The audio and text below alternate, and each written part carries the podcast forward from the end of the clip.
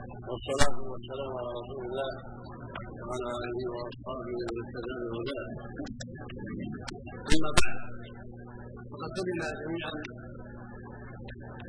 هذه المحاضرة القيمة التي تولاها صاحب الفضيلة الشيخ محمد بن حسن الكويتي فيما يتعلق بالشيوعية وأصولها ووسائلها ونتائجها وعواقبها الوخيمة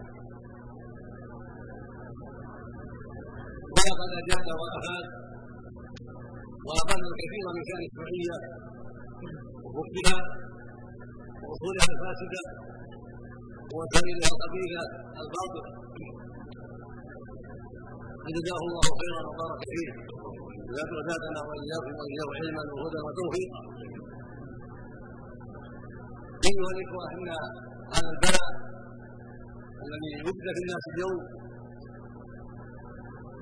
بلاء خطير يجب أن يحاضر من الملوك والرؤساء والأعيان والعلماء ومن كل مسلم لأنه بلاء تقبله النفوس الضعيفه الجاهله وتحسب أن فيه دواءها وأن فيه شفاءها مما وقعت فيه من فقر أو ظلم أو حرمان من بعض الأمور. فيظن الجاهل وقاصر النظر أن فيما تدعو إليه الشيوعيه بشعاراتها البراقه واساليبها المعسوله الخداعه يحسب أنه يحصل على جنه العدل ويحسب أنه يحصل على ما يريد. ولم يعلم المسكين أنه إنما يحصل على الفقر والبكاء والبؤس والفساد واضاعف الدين والدنيا جميعا. فليس عند الشيوعيه إلا الفساد فساد الأخلاق وفساد الأديان. والحرمان من كل خير فهي تشيع الرذيلة وتكثر الفضيله وتحارب الأديان كلها. ثم يسمى فيه. ولا سيما دين الاسلام الحق وهي تزيد الفقير فقرا تزيد الفقير فقرا وتحارب الغنى وترد اهله إلى الفقر وتستولي على مصالح البلاد وثرواتها وخيراتها. ويختص بها المشروع الحاكم يتمتع بثرواتها وما فيها من النعم. وتبقى الشعوب محرومة مضطهدة مظلومة. أشد الفقر والحاجة والبؤس. والبعد عما يجب عليه من دين الله. وقد كانت الشيوعية مذهبا قديما. عرفه الناس قديما. كان موجودا في الفرس وكان يتبناه جماعة منهم.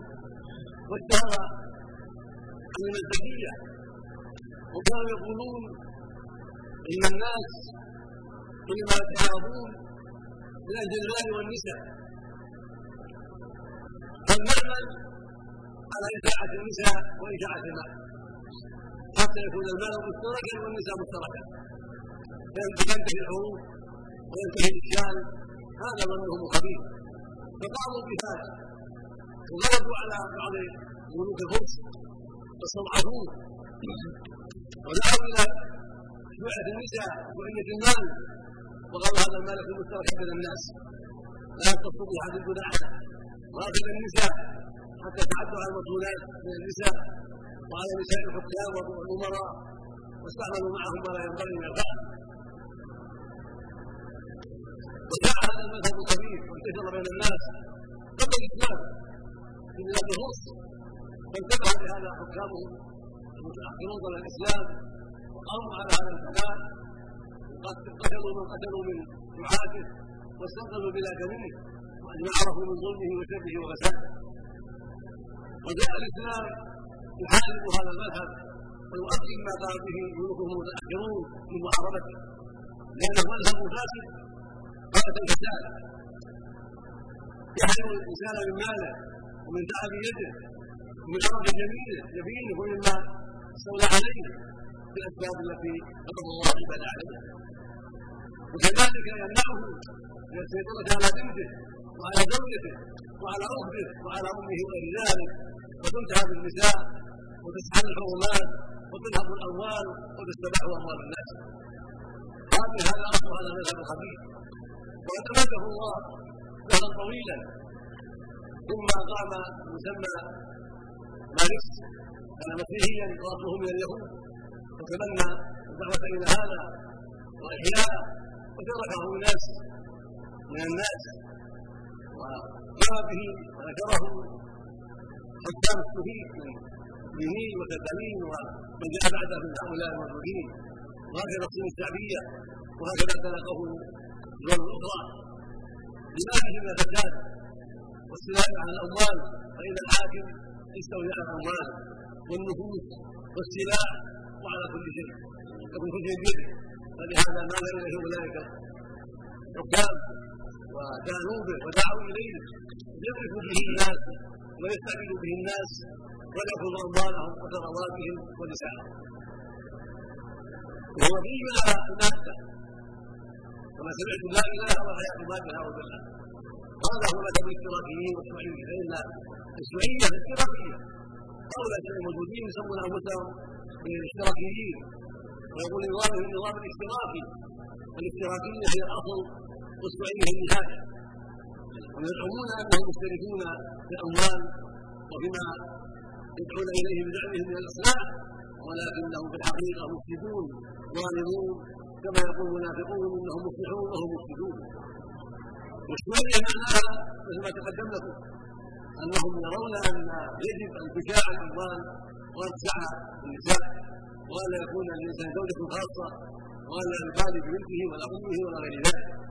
فيكون النساء مشتركات يتمتع الانسان بما شاء والأولاد لهم حاضنات يحسنونهم وتبقى النساء يتولاها من شاء ويطلبها من شاء وتحفظ من شاء كشاء وغير ذلك. والأموال كذلك في الحكام ملك إلى الحكام. ينتجون ان تجعون الاموال الاراضي بايديهم والبيوت بايديهم وكل شيء بأيديهم يتصرفون في ذلك حتى يميتوا حركه الناس وحتى لا يستطيع أحد أن يقوم ضدهم فالاموال في أيديهم والسلع في أيديهم.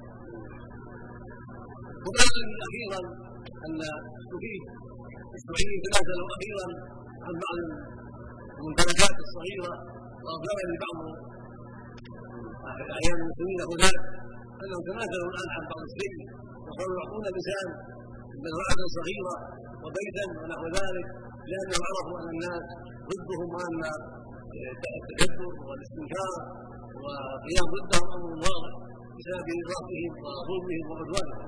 فصاروا يتنازلون شيئا بعد شيء وأما قوله من الحياة مادة وأن ما وراء المادة لا صحة له ولا وجود له أمر باطل وأمر كذب.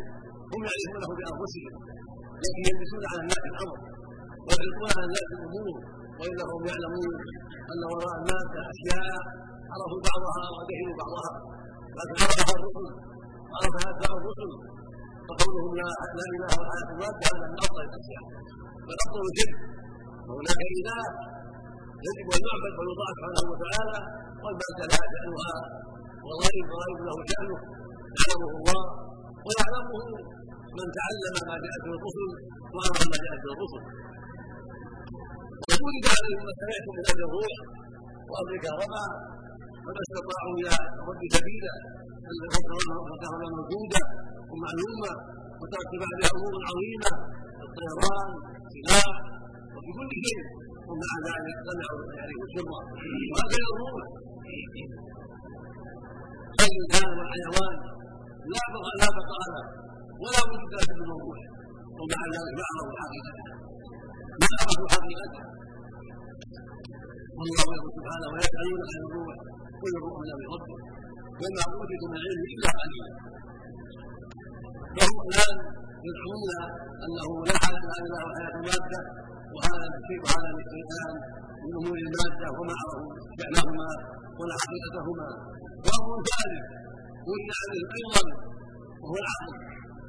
وهو العقل معروف مشهور وبه تميز الأشياء وبه يعرف العاقل من المجنون والمحسوس وبه يعرف من يصلح للولايه والاخذ والاعطاء ومن لا يصلح لذلك أو يصلح ليعتمد عليه في إصلاح الجانب أو إقامة شركة أو كذا أو كذا أو ذلك.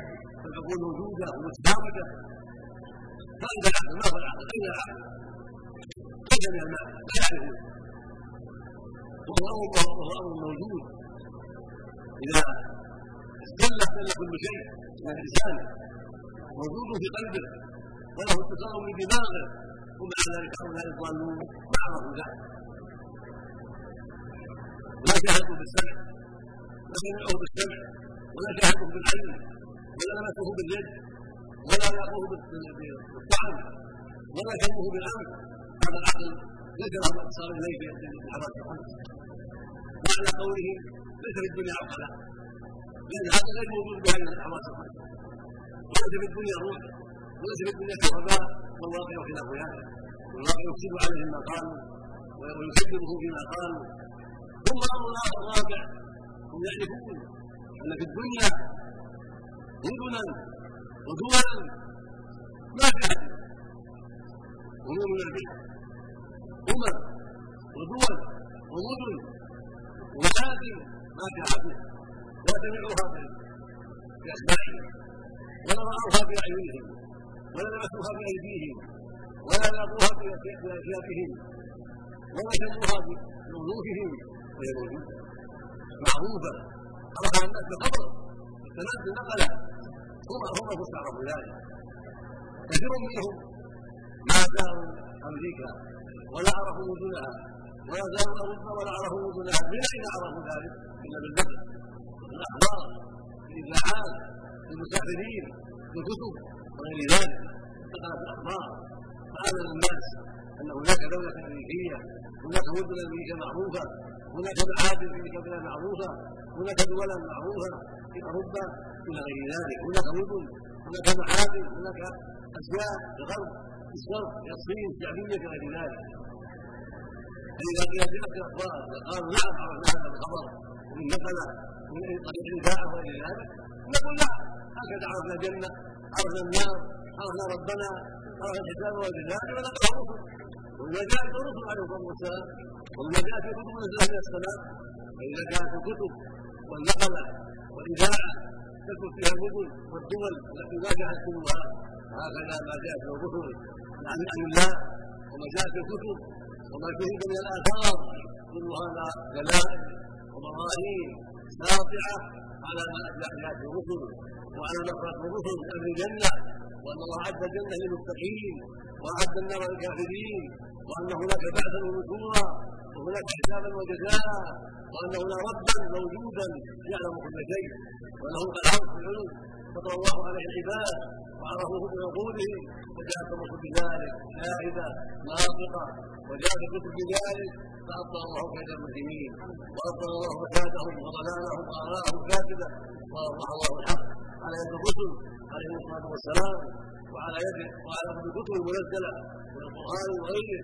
كل هذا واضح لا النار والبصائر ولمن كرهوا اولئك الكاذبون اولئك الشيوعيون ببهتانهم وضلالهم وانحرافهم يدخل على الناس من جهاد من جهه الفقر. يقولون لهم نحن نعطيكم الأموال وناتي بالأموال.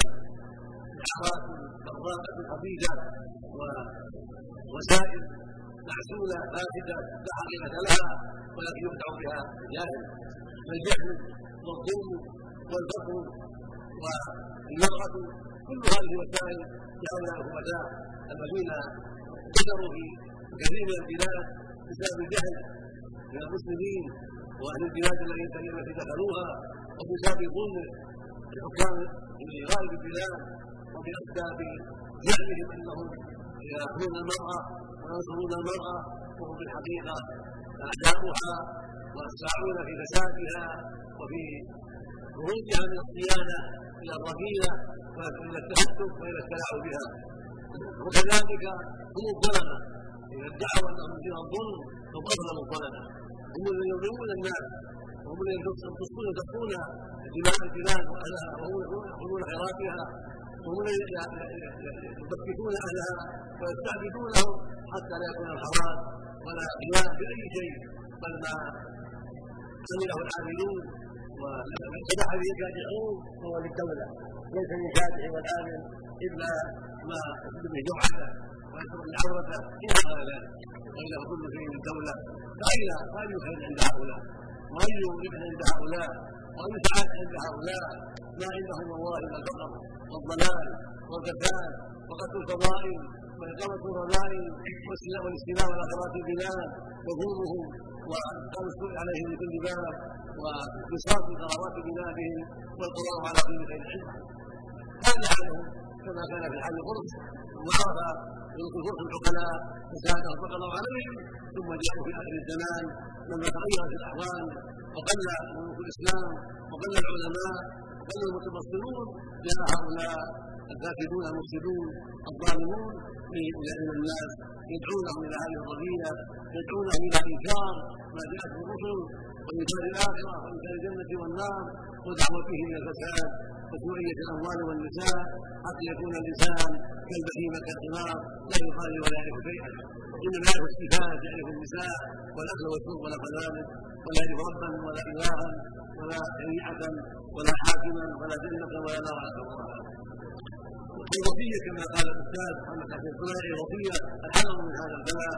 من هذه المادة الخبيثة وهذه الدعاية المضللة وأن يكون المؤمن على الحذر يعلم أن دعاة الشيوعية هم دعاة الزكاة هم دعاة الضلال هم دعاة الباطل هم دعاة الفقر هم دعاة الرذيلة هم دعاة الظلم هم دعاة هدم المرأة وعدم صيانتها هم الدعاة إلى كل فساد وهكذا الأرض فيه الشر والفساد ما فيه الكفر كلهم متعاونون ثم يقال ملة واحدة يعني في الضلالة لا في التوارث ملة واحدة في الضلالة والفساد وقتل الفضائل ونشر الرذائل وايجاد الظلم والفساد ومحاربة كل خير. والقضاء على ما جاء في الرسل عليه الصلاة والسلام. الغرب الذي مسدد النصارى وأتباع النصارى الرحمانيين وقاتلين الظالمين هم دعاة الربيع أيضا هم دعاة الفساد محاربه الأديان ولكن الشيوعيين أكثر منهم اعظم وكلهم دعاة ضلالة وكلهم دعاة نور ولا طريق إلى السلامه ولا سبيل إلى النجاة إلا بالاعتصام بكتاب الله وسنة الرسول عليه الصلاة والسلام والاستقامة على ما دل عليه من الأخلاق والفضائل والتوحيد والإخلاص والأعمال والحذر من كل ما نهاه الله ورسوله هذا هو الطريق وهذا هو السبيل للسلامة من شر الغرب والشر. ومن شر دعاة الباطل ومن شر دعاة الالحاد اينما كانوا صدق الله جميع التوفيق والهداية وجزاكنا خيرا ورزقنا واياكم البصيره والعلم النافع والعمل الصالح. وكفانا شر اولئك المسلمين الظالمين. وهذا ولاة امورنا ووفقهم لكل خير. واصلح لهم وولى على المسلمين خيارا واعانهم من صغارهم ومنعهم فقه في الدين والعافيه من شر اعداء الدين إنه سميع قريب. وصلى الله وسلم على نبينا محمد وعلى آله واصحابه